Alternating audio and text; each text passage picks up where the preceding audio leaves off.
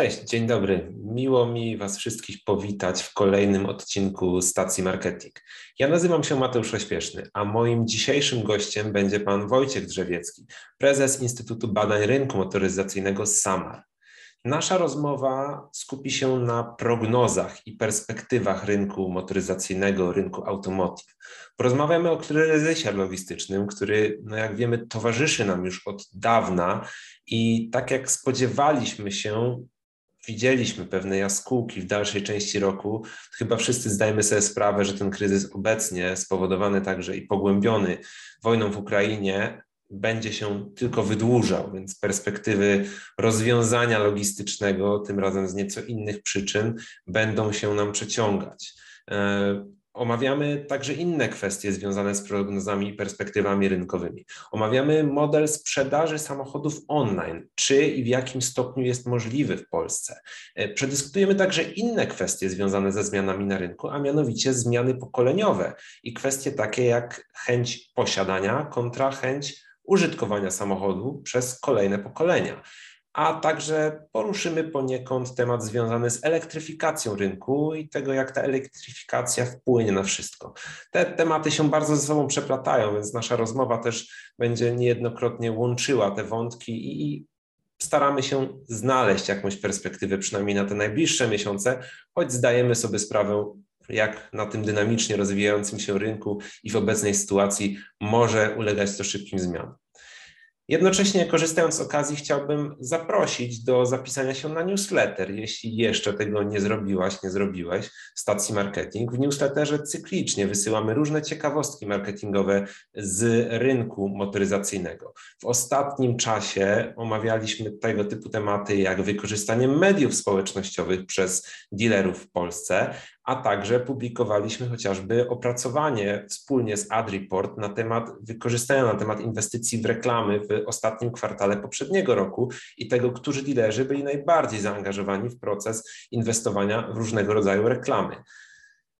W ostatnim czasie wysłaliśmy też różne ciekawostki pod kątem tego, jak marki mogą, powinny być może reagować na to, co się w tym momencie dzieje w Ukrainie, jak reagować, jak połączyć tą komunikację i jak uwzględnić obecny kryzys, obecną wojnę w swojej komunikacji. Czy powinniśmy się do tego odnosić, czy nie powinniśmy tego robić, jeśli to robimy, w jaki sposób. Być może będą to także dla Was pewnego rodzaju inspiracje do zaplanowania swoich działań.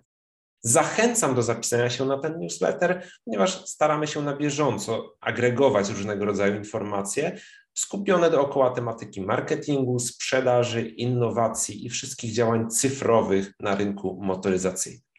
Jednocześnie mocno zachęcam do podzielenia się informacją o audycji Stacja Marketing ze swoimi branżowymi znajomymi. Być może dla kogoś będziemy także dodatkowym, inspirującym materiałem. Przypominam, że można nas słuchać w formie audio jako podcast, między innymi na podcastach Google, Spotify, w podcastach Apple, a także na innych popularnych platformach, na które nasz podcast także dociera. Można nas oglądać oczywiście na Facebooku, na LinkedInie czy w portalu YouTube. Zachęcam bardzo mocno do subskrybowania, do obserwowania nas w tym kanale, w którym w tym momencie nas, nas słuchasz bądź oglądasz.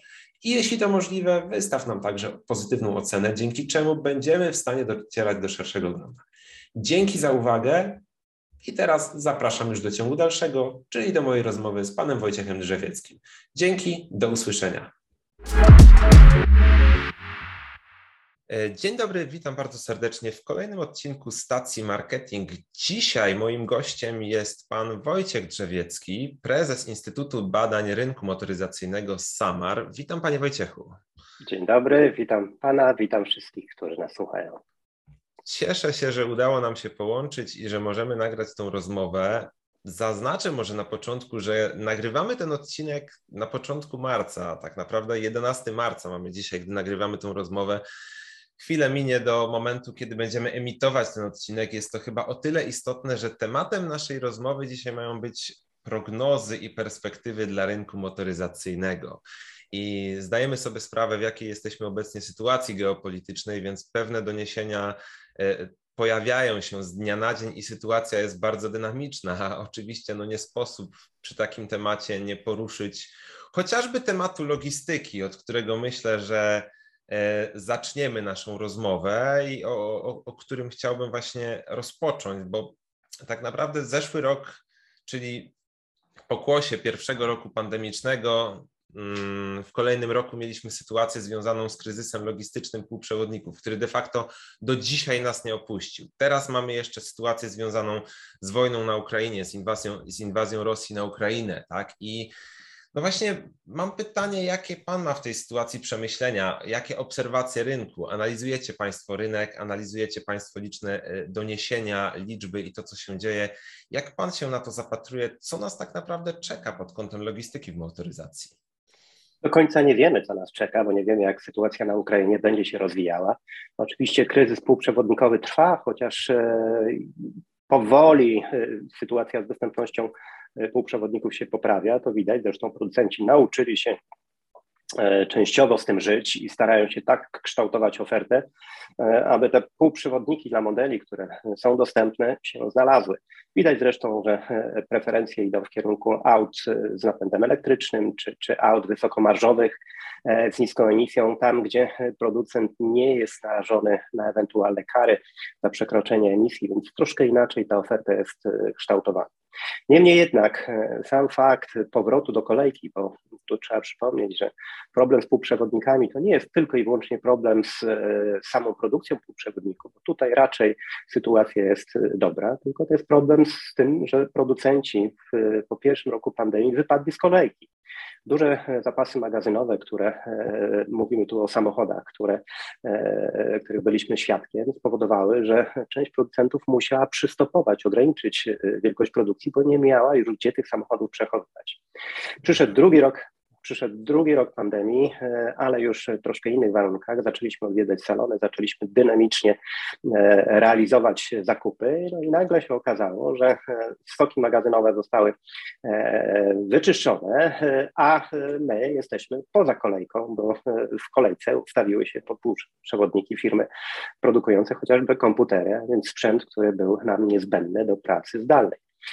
Trudno było się więc tą kolejkę wepchać i, i sytuacja była dobra w zasadzie tylko dla tych producentów, którzy byli powiązani z produkcją e, półprzewodników, mhm. czyli w swoim portfolio e, mieli również tego typu działalność. Tutaj e, no, należy wskazać między innymi producentów koreańskich, którzy całkiem dobrze, nieźle sobie radzili.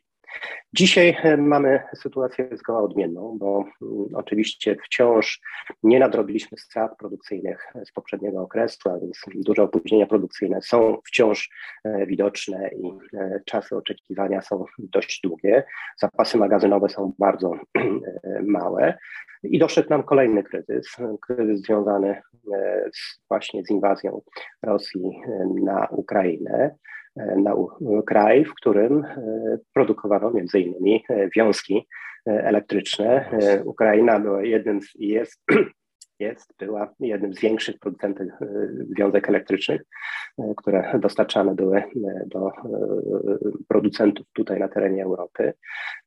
Zakłady produkujące te wiązki mieściły się w zachodniej części Ukrainy, pomimo tego, że one w bezpośredni sposób nie zostały dotknięte e, przez działania wojenne, to jednak e, brak pracowników, którzy e, walczą dzisiaj o wolność Ukrainy, spowodował, że produkcji praktycznie nie ma. A to oznacza olbrzymie kłopoty dla tych, którzy korzystali z tego źródła. Wiemy, że z tego źródła korzystały marki niemieckie, Volkswagen, BMW. Tutaj generalnie grupa Volkswagena E, marki te zostały zmuszone do e, wstrzymania produkcji w niektórych zakładach po to, żeby e, uzyskać dostęp do wiązek chociażby z kolejnych źródeł. Więc to, to jest olbrzymi problem. Oczywiście sam komponent i części, do których naliczane wiązki, nie jest jedynym problemem. Z drugiej strony kwestią problematyczną jest dostęp do surowców, które znajdują się po drugiej stronie konfliktu, czyli w Rosji. E, pallat, neon, e, surowce niezbędne chociażby do produkcji e, baterii czy katalizatorów. No, tutaj dostęp do tych surowców już wiemy, że będzie ograniczony. Producenci muszą szukać innych źródeł, co na długie, długie miesiące może stanowić istotny problem w produkcji samochodów. Także ten konflikt zmienia zupełnie podejście. Dostępność aut będzie ograniczona. Z drugiej strony mamy oczywiście cały czas do czynienia ze zjawiskiem związanym ze wzrostem cen, co nieco wyhamowuje sprzedaż. Można powiedzieć, że następuje pewna kompensata, bo braki nie spowodują aż tak dużego spadku. Ten spadek i tak byłby generowany przez rosnące ceny aut. Nasze prognozy e, na ten rynek, jeśli chodzi o rynek e, polski, e, były na początku roku jeszcze całkiem optymistyczne. Przypuszczaliśmy, że patrząc na rozwój sytuacji, zresztą i, biorąc pod uwagę zapowiedzi wszystkich producentów, że druga połowa roku będzie tym okresem, kiedy dostępność samochodów powinna wrócić już do normy. No widać, że tak się nie stanie, a więc te prognozy, te pierwsze przymiarki, które robimy dzisiaj, e, mówią o e, spadku sprzedaży. Dodatkowo e, niewątpliwie na sam rynek wpłyną nam ceny paliw. Wysoka cena ropy czy benzyny powoduje, że zainteresowanie autem może tutaj spaść. Właśnie, no bo tak naprawdę mm, pojawiło się dużo nowych czynników i tak jak już trochę wierzyliśmy, czasami może bardziej życzeniowo, ale jednak wierzyliśmy, że ten, ten rok przyniesie poprawę i gdzieś tam ta druga połowa roku rzeczywiście przywróci tą normalność, jakkolwiek by jej nie zdefiniować, to wydaje się, że jednak kryzys w tym momencie może być jeszcze głębszy niż to, co obserwowaliśmy w samym ubiegłym roku, jeśli by to porównać w ten sposób, tak? Tak, no tu nie mówimy tylko i wyłącznie o samej dostępności aut, mhm. kłopotach produkcyjnych, ale i takiej czystej percepcji ludzkiej e, i kwestii związanych e, z inwestycjami, które podejmujemy. Zakup samochodu, jakkolwiek, e, jakiejkolwiek formy byśmy nie korzystali, jest drugim pod względem wielkości wydatkiem rodziny. Sporo pieniędzy trzeba zainwestować, aby ten pojazd kupić. Czy dziś w obecnej sytuacji będziemy decydowali się na zakup samochodu? Myślę, że w ograniczonej formule. Firmy tak, firmy e, działają na nieco innych zasadach. Ten proces wymiany auta postępuje, chociaż wydaje mi się, że e, w najbliższym okresie będziemy świadkami wydłużenia okresów użytkowania aut, e, że ze względu właśnie na dostępność firmy będą starały się wydłużyć te okresy. Natomiast osoby fizyczne, owszem, mobilność przede wszystkim, bo widzimy, że bez samochodu trudno będzie nam się poruszać, ale raczej inwestycja będzie szła w kierunku aut używanych. E, ten rynek, e, który też dzisiaj e, ze statystyk to wyraźnie wynika, zaczyna przeżywać pewne problemy, czyli zainteresowanie autami w ostatnim czasie nieco spadło. Niemniej jednak wydaje mi się, że osoby fizyczne będą raczej zaopatrywały się na tym rynku w większym stopniu, jeszcze większym stopniu niż do tej pory. No właśnie, no bo mamy kilka czynników. Mamy czynnik związany z niepewnością gospodarczą, kryzys logistyczny i ogólny brak zmniejszona dostępność pojazdów. E, do tego wszystkiego dochodzi no właśnie kwestia cenowa drożejących samochodów, ale i kosztów utrzymania, chociażby kosztów paliwa. No i pojawia się ten aspekt, o którym też mieliśmy sobie porozmawiać w dzisiejszej rozmowie, czyli kwestie różnych zmian pokoleniowych. Ja mam wrażenie, i tutaj jestem bardzo ciekaw Pana opinii, jak ten, jak, jakich zmian możemy oczekiwać i co możemy zaobserwować na tym rynku pod kątem chociażby chęć posiadania wymiany samochodu. Tak? Mamy już liczne przykłady działań chociażby car sharingowych, czy to jest coś, czy to jest rynek, który w tym momencie może też w jakiś sposób zyskać, biorąc pod uwagę, że jednak decyzja o zakupie samochodu, tak jak Pan powiedział, druga co do kwoty wydatku najistotniejsza dla rodziny, e, może spowodować, że jednak przerzucimy się bardziej na ten model carsharingowy, jakiegoś najmu, tak, czy wykorzystywania dostępnych wypożyczalni chociażby z aplikacji, czy jednak w tym momencie za daleko się tutaj w takich prognozach możemy posuwać? Nie, nie, to, to jest y, słuszny kierunek rozważań. Jeszcze przed pandemią e, patrzyliśmy na ten rynek jego taki spokojny rozwój i, i y, twierdziliśmy, że sytuacja na rynku będzie się zmieniała. E, nowe pokolenia wkraczające na rynek w coraz mniejszym stopniu chcą się e, wiązać z samochodem, realizować takie zakupy, jak my realizowaliśmy, czyli mieć ten samochód na własność, to jest, e, jak już powiedziałem, kosztowne. Drugi wydatek e, pod względem wielkości rodziny. Do tego dochodzą jeszcze koszty utrzymania auta, więc myślę, że te nowe pokolenie troszkę inaczej zaczynają na to patrzeć. Wręcz jestem święcie przekonany, że to, co się dzisiaj dzieje, proces zmian przyspieszy i niekoniecznie te starsze pokolenia, które myślały do tej pory tak jak ja, kiedy wkraczałem na rynek, chcę mieć, kupić i, i e, użytkować, będą chciały. Być może e, właśnie e, ten element wiązania się bezpośredniego z autem zostanie w jakiś tam sposób ograniczony. Chociaż z drugiej strony znów można rozważać, czy sytuacja, w jakiej znaleźli się e, Ukraińcy i chęć posiadania samochodu e, na własną możliwość przemieszczania się nie jest takim e, wskaźnikiem, że może jednak warto to auto mieć do swojej dyspozycji. Patrząc jednak na to, co się dzieje z finansowaniem, z możliwością, no to jeżeli nawet nie kupujemy, tylko finansujemy, wynajmujemy, pożyczamy auto, no to też poruszamy się swobodnie, więc tutaj nie ma żadnego problemu. Nowe pokolenie e, do zapewnienia sobie mobilności potrzebuje tak naprawdę smartfona i sprawnej łączności, bo ten e, smartfon zapewnia im dostęp do samochodów, rowerów, hulajnóg, e, środków komunikacji miejskiej, daje możliwość zakupu biletów w dowolnym miejscu, w dowolnym punkcie, w którym się znajdujemy. Warunek oczywiście dostęp do internetu. I ta swoboda myślę, że jest czynnikiem, który determinuje spojrzenie na rynek do nowego pokolenia.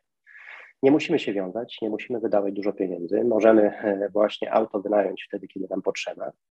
E, więc e, ten przykład carsharingu myślę, że jest przykładem dobrym. Carsharing będzie się rozwijał, chociaż na początku było to przedsięwzięcie deficytowe i trudno było na nim zarobić, to myślę, że sytuacja zacznie się zmieniać. Ze względu właśnie na to, że nowe pokolenie już wchodzi na rynek, ma inne wymagania i e, inaczej zupełnie chce użytkować auto. Również e, przedsiębiorcy też e, będą inaczej patrzyli na samochód.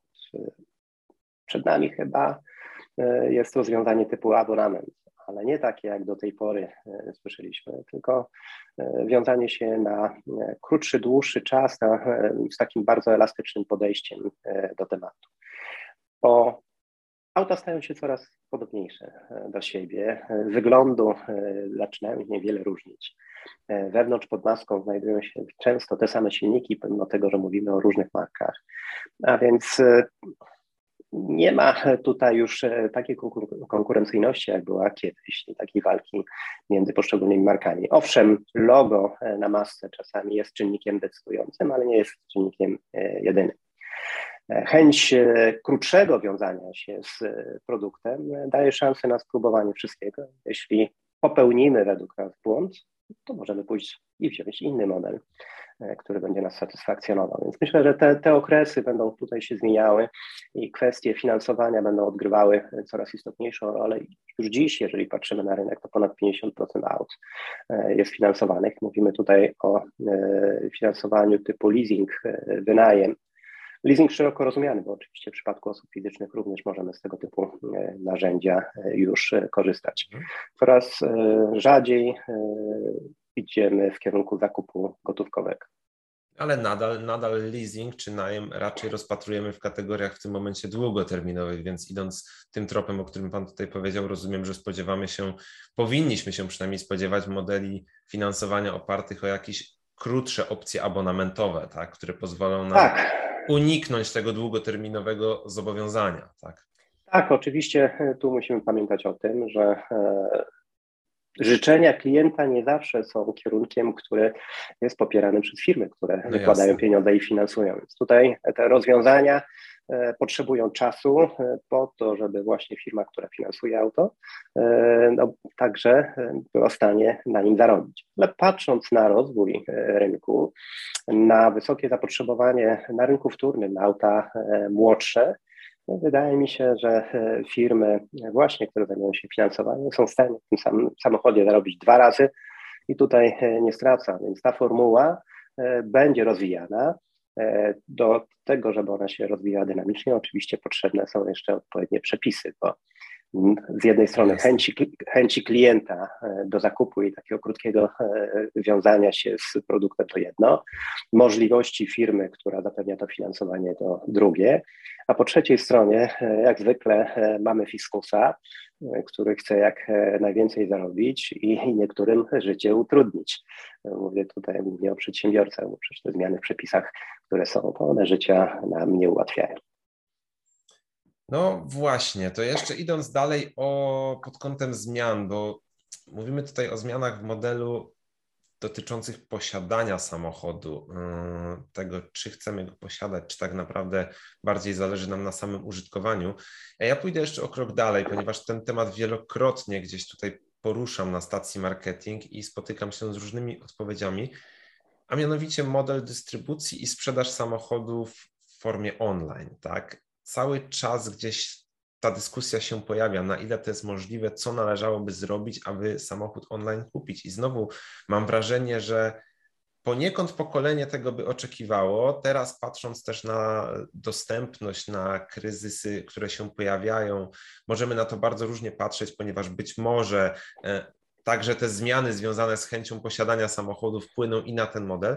Ale jak pan postrzega e, perspektywy zakupu samochodu w pełni online. I oczywiście ja zdaję sobie sprawę, że być może zakup 100% z platformy, czyli tylko kliknij, kup, dostarcz, to nie jest to, do czego zmierzamy, ponieważ ten model trzeba w jakiś sposób dopasować, ale jak z Pana obserwacji, jak z Państwa obserwacji, z badań, z prognoz rynkowych należy postrzegać zmiany w tym modelu i możliwość zakupu samochodu niemal w 100% przez internet? Już wielokrotnie na ten temat mówiłem, że online jest przyszłością rynku motoryzacyjnego z wielu powodów. E, to, co trzeba podkreślić, to w mojej ocenie i w ocenie wszystkich ekspertów, którzy działają na tym rynku, e, to pandemia przyspieszyła proces dojścia do pełnej sprzedaży w internecie. Dodatkowo e, bierzemy pod uwagę jeden element, o którym wcześniej wspomniałem w kontekście właśnie kwestii abonamentowych. Auta starają się coraz podobniejsze do siebie pod względem kształtu, posażenia, parametrów użytkowych. W związku z tym łatwiej nam podjąć decyzję. Jeżeli w latach 60., 70., 80. patrzyliśmy na samochody poszczególnych marek, one ewidentnie były różne. E, miały inne cechy charakterystyczne, różniły się zdecydowanie wyglądem, e, parametrami użytkowymi. Dzisiaj te wszystkie samochody stają się coraz e, podobniejsze do siebie. No, bo przy projektowaniu używamy tych samych programów, tych samych komputerów. E, wrzucamy e, do programów te same warunki brzegowe e, związane z opływem auta, z tym, żeby jak najmniej paliło, no to komputer wyrysowuje nam optymalne linie i otrzymujemy to, co otrzymujemy. Stąd nakładając na siebie auta w naszym oprogramowaniu, które mamy, nie wiem, czy mogę reklamować, czy nie, ale mamy takie narzędzie do porównań wizualnych, Nakładając na siebie dwa auta, sterując przezroczystością, widzimy, że te sylwetki są bardzo podobne. Różnice dotyczą konstrukcji lamp, które dzisiaj są tak charakterystycznym elementem wyróżniającym poszczególne modele marki, e, grill, e, no i oczywiście wnętrze, ale budując dzisiaj samochód, e, budujemy go z klocków Lego, bo dostawców komponentów mamy tych samych. I tutaj można wrócić do tego, do pierwszego wątku naszej rozmowy, że jeżeli mamy problem z jednym z dostawców, tutaj w tym przypadku e, dostawami e, wiązek elektrycznych, no to wszyscy zaczynają mieć w tej materii e, problemy. To jest początek jak gdyby mojego było. Druga sprawa, młode pokolenie, jak już powiedziałem, jest zaznajomione z komputerami. Zupełnie inaczej podchodzi do kwestii zakupu większą część przedmiotów użytkowych jest w stanie już dziś kupić przez internet, y, niekoniecznie e, idąc do sklepu. Stąd też duże, szczególnie jeśli chodzi o elektronikę, e, ale i sprzęt AGD, E, my jesteśmy w stanie na podstawie zdjęć, opinii i parametrów technicznych podjąć decyzję o zakupie. W przypadku samochodu dochodzi jeden element, którego jeszcze nie jesteśmy w stanie e, w pełni spełnić, chociaż pamiętam w stacji e, marketing audycję, która dotyczyła tego tematu, między innymi, czy poruszała ten temat związany chociażby z jazdami testowymi i z jazdami zdalnymi. To był temat, który poruszaliście w czasie właśnie pandemii, wtedy, kiedy mieliśmy ograniczony ruch, czy naszą ograniczoną mobilność i e, nie byliśmy w stanie odwiedzić salonu dizerski. I oczywiście to jest temat, który wciąż z punktu widzenia tego pokolenia, które e, wchodzi na rynek, ważny. Ale biorąc pod uwagę ten aspekt, o którym wspomniałem, czyli z przejściem takim stopniowym na finansowanie krótkoterminowe, ten aspekt będzie odgrywał coraz mniejszą rolę, bo jeśli nie będziemy wiązali się na zbyt długi okres samochodem, to nawet jeżeli e, popełnimy błąd, to bardzo szybko go naprawimy, e, idąc w kierunku drugiego auta.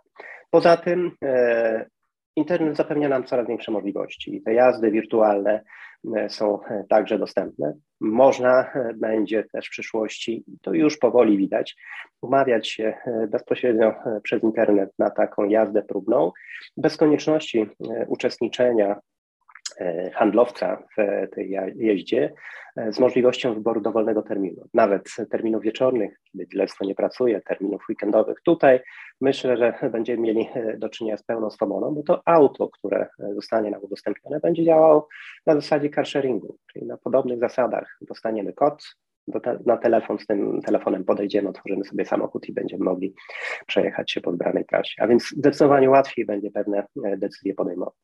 Już dziś Większość informacji o samochodach ściągamy z internetu. Wiedza, jaka jest zawarta w no tak. sieci, jest olbrzymia. Możemy korzystać z konfiguratorów, porównywarek, w tym także tej wspomnianej przeze mnie porównywarki wizualnej, która jest y, unikalnym rozwiązaniem e, w Europie, bo nie znalazłem podobnego. Owszem, możemy w widoku 360 oglądać auto, kręcać go, przybliżać, e, możemy spojrzeć e, do jego wnętrza, ale nikt do tej pory poza nami nie stworzył narzędzia, które pozwala postawić obok siebie dwa auta i e, te dwa auta obejrzeć na różne sposoby, począwszy od sylwetki, wnętrza, również detale. To również są narzędzia, które będą się rozwijały i które będą stanowić podstawę do podjęcia decyzji. A więc widać, że internet jest już przygotowany do tego, żeby przeprowadzić proces sprzedaży całkowicie w sieci. Są zresztą e, portale, e, platformy, e, które już tego typu sprzedaż realizują. To, że nie jest często ona realizowana w 100%, czyli to finalne podpisanie umowy następuje jednak w dealerstwie, to wynika z naszego podejścia i trochę z przepisów, które też w tej materii wymagają jeszcze pewnie doprecyzowania tak żeby e, no, o wiele prościej ten e, sposób e, był realizowany. Nieco inaczej wygląda sytuacja na rynku wtórnym. Tutaj mamy firmy, które pozwalają na, na przeprowadzenie transakcji w 100%, dostawę auta pod nasze drzwi. Wiele zależy od zaufania klienta do takiej firmy, bo jeżeli firma tak działa, że e, opinie o niej e, są, e, potwierdzają, że transakcja, która została zawarta, jest transakcją przeprowadzoną w sposób rzetelny, a produkt, który dostarczony jest, jest zgodny z opisem, to myślę, że duża część klientów będzie tego typu sprzedaż realizowała. Tutaj pamiętajmy, że realizując sprzedaż w internecie, no, my jako konsumenci jesteśmy zabezpieczeni, czyli mamy możliwość zwrotu tego towaru. Mhm. I e, o ile na rynku wtórnym oczywiście e, koszt e, takiego samochodu jest niższy, to to jest jeden z takich elementów też limitujących całkowicie sprzedaż na rynku aut nowych. No bo tutaj to ryzyko jest zdecydowanie większe. Wydajemy klientowi samochód nowy. Wiadomo, że jak samochód wyjeżdża od nas, to już traci na wartości I e, no, to jest element, nad którym myślę, że jeszcze chwilę popracujemy, ale on jest oczywiście jak, jak wszystko do rozwiązania.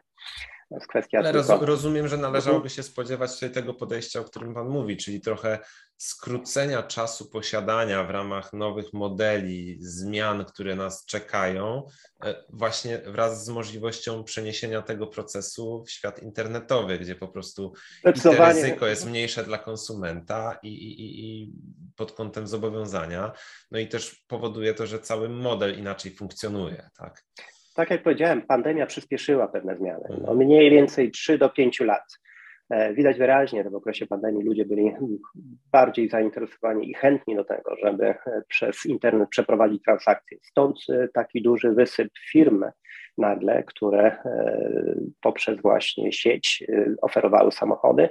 Tak. Duża część z tych firm oczywiście zginie za chwileczkę, bo jeżeli ich działalność opierała się tylko i wyłącznie o sprzedaż samochodów w sieci, nie będą miały szansy na przetrwanie wobec tego, co się wokół nas dzieje. Pozostaną silne firmy, E, które zainwestowały duże kwoty, e, bo e, dzisiaj nie tylko problemem sama sprzedaż samochodów względu na cenę, ale przede wszystkim ich dostępność, a także zmiana podejścia producentów do tematu. Pamiętajmy, że producenci którzy do tej pory w sieci e, raczej nie sprzedawali samochodów, dzisiaj myślą o tym bardzo intensywnie. Widać to zresztą zapowiedzi e, poszczególnych marek. Chociażby ostatnio e, grupa Stellantis zapowiedziała, że do roku 2035 około 45-50% całości sprzedaży chce już przepuszczać przez sieć. To oznacza olbrzymie zmiany w warunkach współpracy z siecią dealerską, bo dealerzy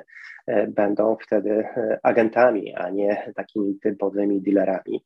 E, producent, wchodząc w tego typu sprzedaż, musi przejąć na siebie część kosztów, które do tej pory przerzucane były na dealerów. A więc zmiana jest olbrzymia.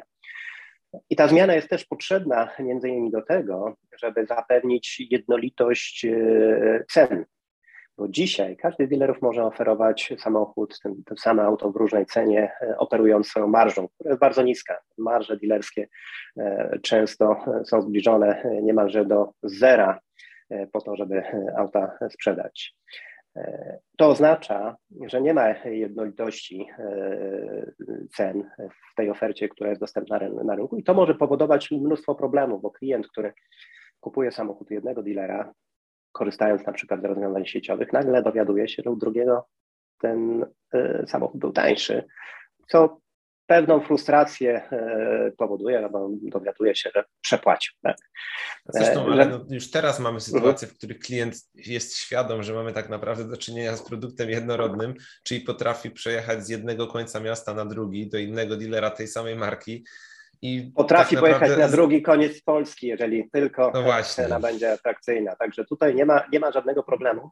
A Dokładnie, zapewnia... on też sobie zdaje sprawę z tego, że ta cena, którą utrzymał już wstępnie u jednego dealera, tak naprawdę jest do wypracowania in, u innego. Tak? No jest to też argument, jest... że tam uzyskałem cenę taką, co pan mi tak, może zaoferować. Tak, tak? Więc tak, tutaj tak. E, dealerzy, dealerzy walczą, e, ale ta walka się skończy.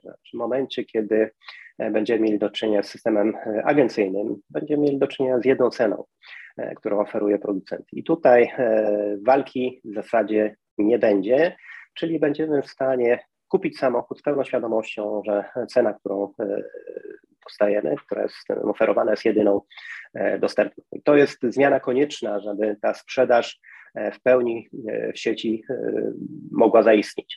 Dlaczego dzisiaj rozwijają się platformy zewnętrzne oferujące samochody? No bo właśnie mają te tak zwane auta od ręki, w określonej już specyfikacji to nie są samochody budowane na produkcję, tylko auta, które czekają na placu i ta cena jest niezmienna i taką typu platforma jest w stanie ją pokazać i wyjść z ofertą do klientów. Więc to jest ten czynnik pośredni. Co się stanie w przyszłości? Internet na pewno będzie, e, tak jak już powiedziałem, podstawą. Będziemy wykorzystywali sieć do zakupu, wynajmu. E, tutaj ten telefon będzie e, dla nas podstawowym narzędziem. Własność będzie przyporządkowana do smartfona, która zapewni nam pewną, pełną elastyczność w podejmowaniu decyzji, pełną swobodę w realizowaniu transakcji. Tutaj mm, dobrze wiemy, że smartfony które mamy w kieszeni przy sobie, zapewniają już takie możliwości e, i będą zapewniały jeszcze większe możliwości. Także idziemy, idziemy w tym kierunku, że e, korzystając z telefonu będziemy w stanie w każdej chwili wykonać transakcję e, zakupu. Producenci y, oczywiście będą starali się eliminować platformy zewnętrzne, przynajmniej dzisiaj o tym mówią, że nie są zainteresowani sprzedażą, ale z punktu widzenia klientów to właśnie platformy zewnętrzne dające możliwości porównawcze są zdecydowanie lepszym rozwiązaniem. Więc myślę, że e, producenci będą musieli przekalkulować, co im się bardziej opłaca i myślę, że ich współpraca nie będzie się, e, czyli ich, ich praca z klientem nie będzie się ograniczała tylko i wyłącznie do e, własnego portalu e, i własnej prezentacji, ale także do, do współpracy z portalami zewnętrznymi, które muszą zapewnić im dotarcie do jeszcze większej rzeszy klientów, bo Lojalność oczywiście wobec marki dzisiaj wciąż jeszcze istnieje w przypadku wielu klientów, ale to się powoli skończy, e, między innymi ze względu e, na fakt, o którym już wielokrotnie mówiliśmy, czyli bardzo dużego podobieństwa pomiędzy e, poszczególnymi samochodami. Spójrzmy chociażby na tą wspomnianą przeze mnie grupę Stellantis, ile ona marek skupia.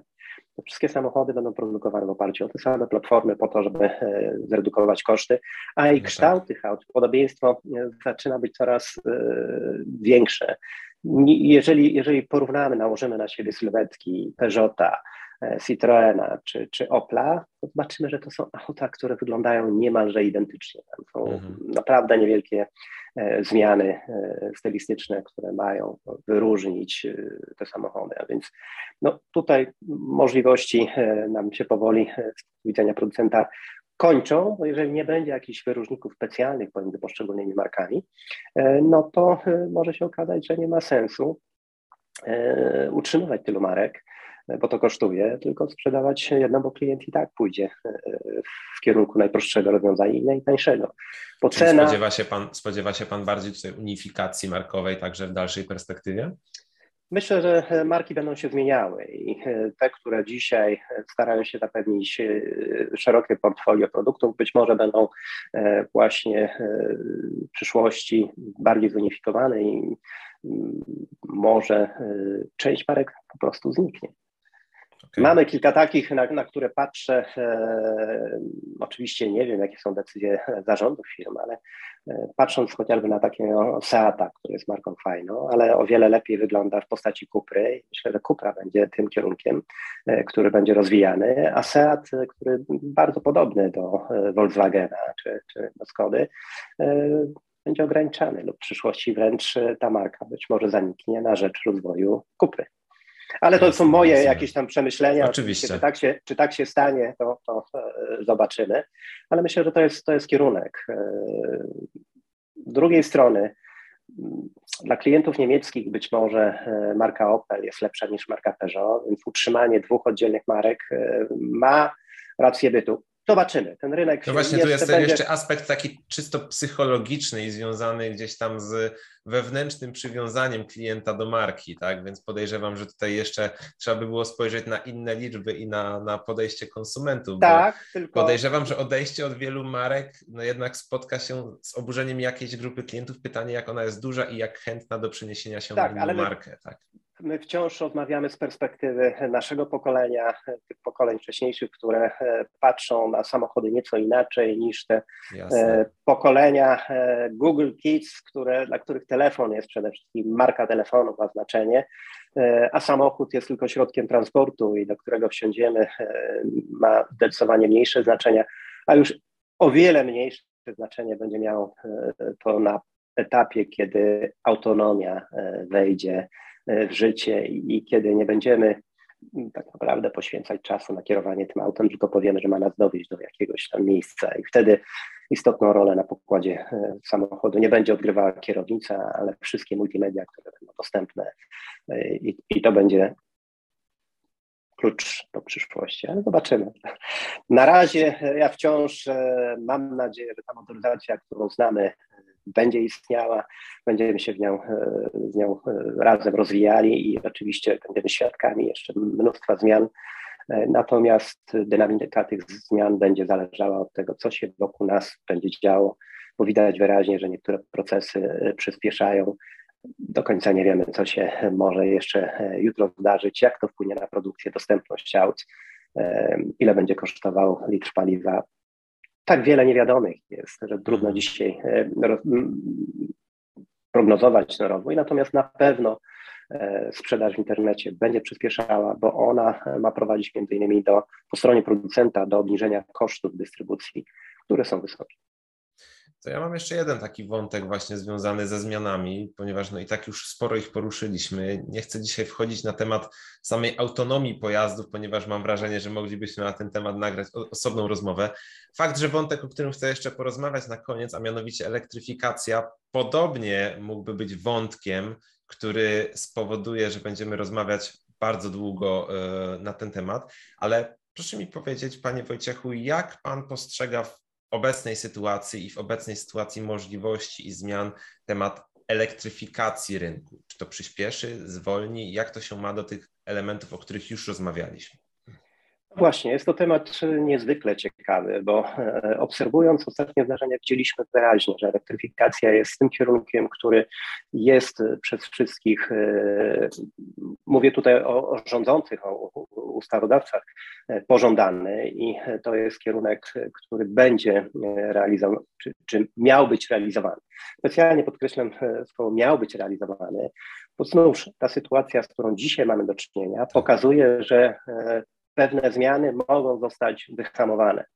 Na razie mówimy o zmianach dotyczących e, produkcji energii, bo węgiel, który miał zostać wyeliminowany, widać wyraźnie, że już e, tutaj Komisja Europejska e, elastyczniej podchodzi i dopuszcza możliwość wykorzystania węgla w dłuższej perspektywie czasowej. Oczywiście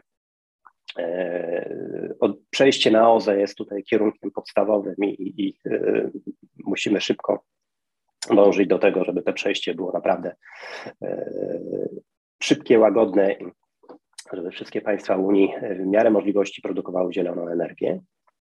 Niemniej jednak fakt e, ograniczenia dostępu do pewnych surowców, które są niezbędne do produkcji e, chociażby baterii wykorzystywanych w samochodach, może spowodować, że te terminy, które zostały wyznaczone, przejścia na elektryfikację E, mobilności e, mogą zostać zmienione. I wydaje mi się, Jasne. że to jest kierunek, który, którym e, idziemy. Rozwój elektromobilności, znaczy samochody elektryczne to jest bardzo fajna rzecz. Mówię to jako e, doświadczony kierowca i posiadacz samochodu elektrycznego. Szczególnie dzisiaj, kiedy ceny paliwa są e, tak wysokie, elektryk w połączeniu z fotowoltaiką e, daje olbrzymią swobodę i e, pozwala utrzymywać koszty e, mobilności na e, relatywnie niskim poziomie w stosunku do oczywiście cen paliwa. Niemniej jednak on ma swoje. Rozumiem, że nawet, nawet zasięg i sieć ładowarek przestaje być takim problemem, jak się domyślam w tym momencie.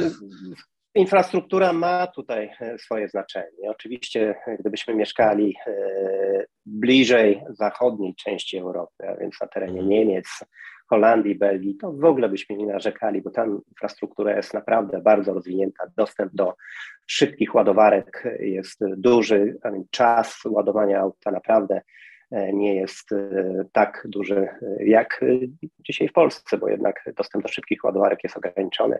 My jako szybką ładowarkę traktujemy już to o mocy 50 kW, a tu, żeby się naładować, potrzeba trochę czasu i musimy pod nią troszkę postać. Użytkowanie samochodu elektrycznego e, wygląda nieco inaczej niż samochodu e, spalinowego. Ciężko się było do, tych, e, do tego przyzwyczaić.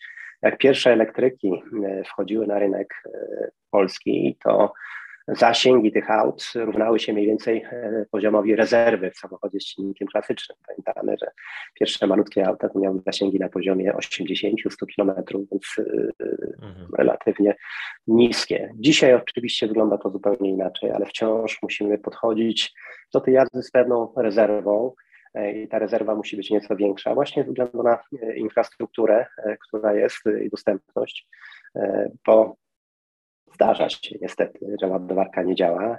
Wtedy musimy jechać y, do drugiej i szukać y, możliwości naładowania. Może się okazać, że przy tej drugiej e, stoi jakieś auto car sharingowe, przy którym nikogo nie ma, auto jest naładowane, ale zajmuje nam ładowarkę. Takie sytuacje niestety bardzo często się zdarzały w dużych miastach, co powoduje pewien kłopot, frustrację, no i oczywiście wydłuża e, czas e, ładowania.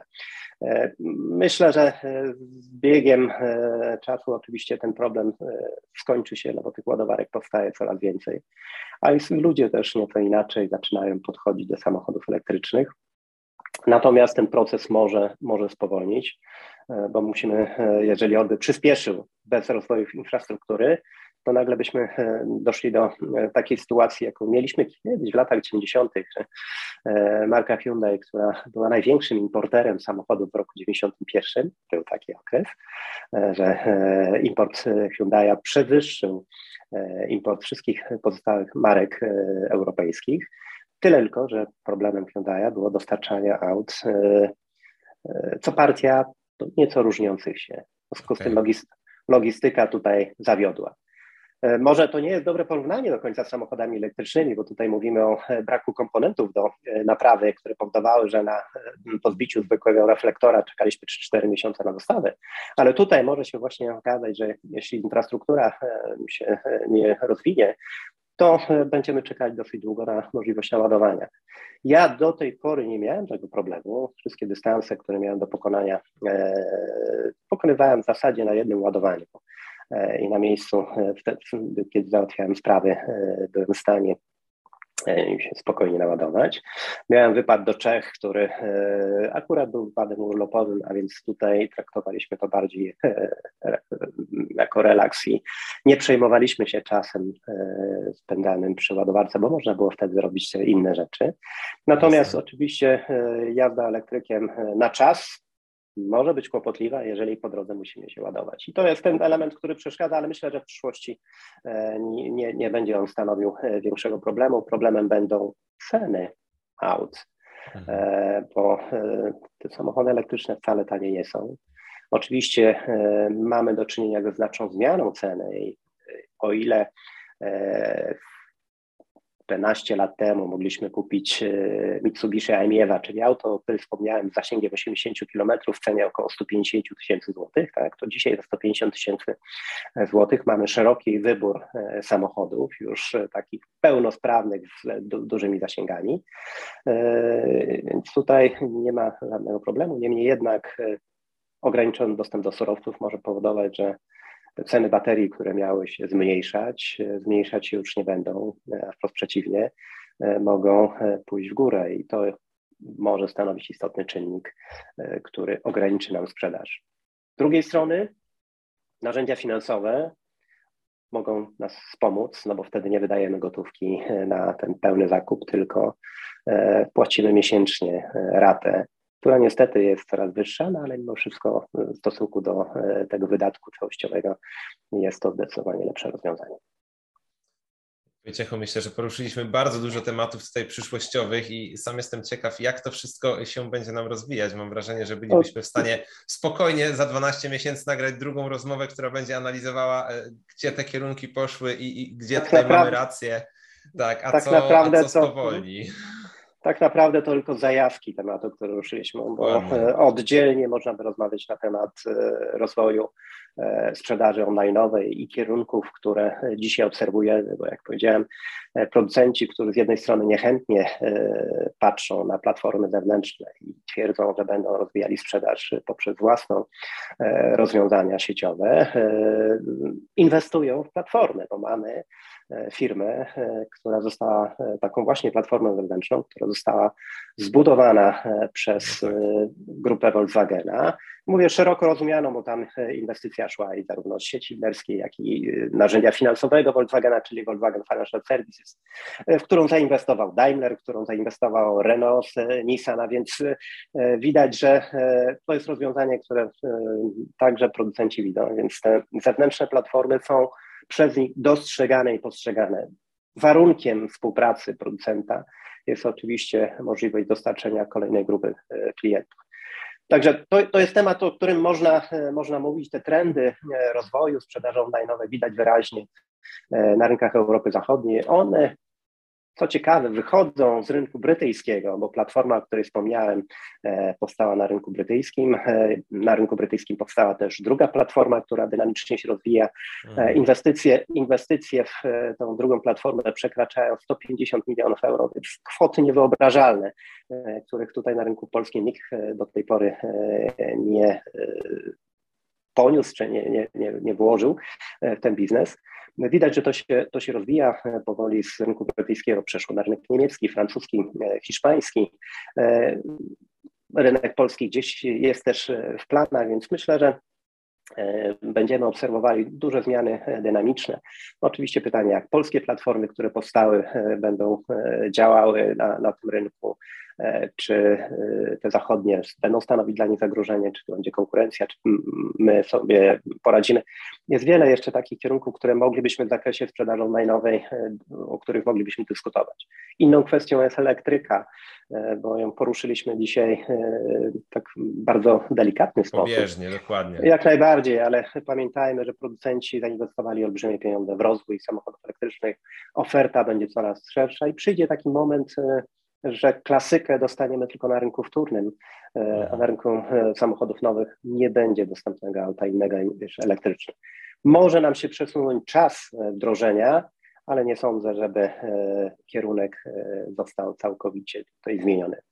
Samochody elektryczne są naszą przyszłością, kwestią jest tylko napęd.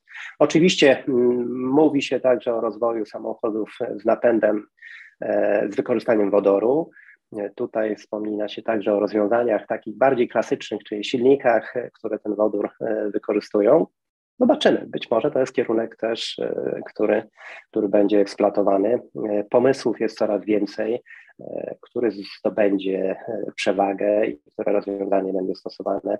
E, na razie pewnie elektryka, ale wodór jest generalnie przyszłością, także wpisaną w motoryzację. Także tematów jest naprawdę wiele, a zupełnie odrębną kwestią będzie czynnik ludzki, czyli my, nasze tak.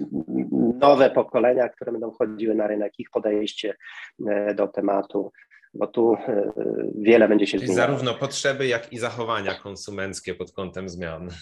Zdecydowanie. Mo można tutaj dyskutować, co się będzie działo też z sieciami dealerskimi, bo zmiany e, tutaj się szykują, dynamiczne. Ja patrzę na sieć dealerską pod kątem analityki też, jak dealerzy się rozwijają, którzy analizują rynek, którzy nie, to też jest ciekawy aspekt do, do, poruszenia, czy w ogóle analityka z punktu widzenia dealera ma sens, czy nie ma sensu, bo niektórzy rezygnują z y, analizowania danych, bo uważają, że to nie ma sensu. Oczywiście model agencyjny wprowadzi tutaj mnóstwo zmian y, i też podejścia do dealerów, dealerów do, do tematu analityki, no bo jeżeli my nie mamy wpływu na to, co się dzieje i producent decyduje o pewnych sprawach, a my E, naszą rolą będzie prezentacja auta i ewentualnie wydanie i obsługa tego auta, no to analityka nam nie jest potrzebna, bo ktoś zaraz to będzie wykonywał. Także aspekt analityczny, e, ten związany z naszą bezpośrednią działalnością, też jest aspektem ciekawym, e, który stanowi dla nas olbrzymie wyzwanie, w którym musimy się tutaj zmierzyć i to w niedalekiej przyszłości, dlatego że to, co się dzisiaj dzieje, też wprowadza mnóstwo zmian. E, producenci będą chcieli ten rynek analizować w sposób szerszy e, i my musimy się do tego dostosować. Także tematów związanych z motoryzacją jest bardzo dużo i, i w zasadzie e, można by co miesiąc poruszać nowy, a roku by nie starczyło, żeby wszystko objąć. Być może to jest pomysł na jakiś kolejny cykl, tak, związany z prognozami i przyszłością. Panie Wojciechu, bardzo dziękuję za dzisiejszą rozmowę dla naszych widzów i słuchaczy. Mam nadzieję, że tutaj nasi odbiorcy wyciągną swoje przemyślenia i będą na podstawie tych prognoz, o których tutaj rozmawialiśmy, które zajawialiśmy, ciągnąć swoje przemyślenia dotyczące przyszłości. No i mam nadzieję, że będzie jeszcze okazja przedyskutować te tematy w przyszłości, być może w szerszym zakresie o poszczególnych wątkach. Dziękuję bardzo za czas Dziękuję. i za dzisiejszą audycję. Dziękuję bardzo, pozdrawiam serdecznie i życzę miłego dnia. Zastanawiasz się, jak zwiększyć sprzedaż na stronie i nawiązać kontakt z klientem? Bądź tam, gdzie on dzięki profesjonalnej obsłudze firmowego czata. To jeden z najważniejszych kanałów komunikacji w sieci. Bespoke Chat, Twój dodatkowy dział sprzedaży.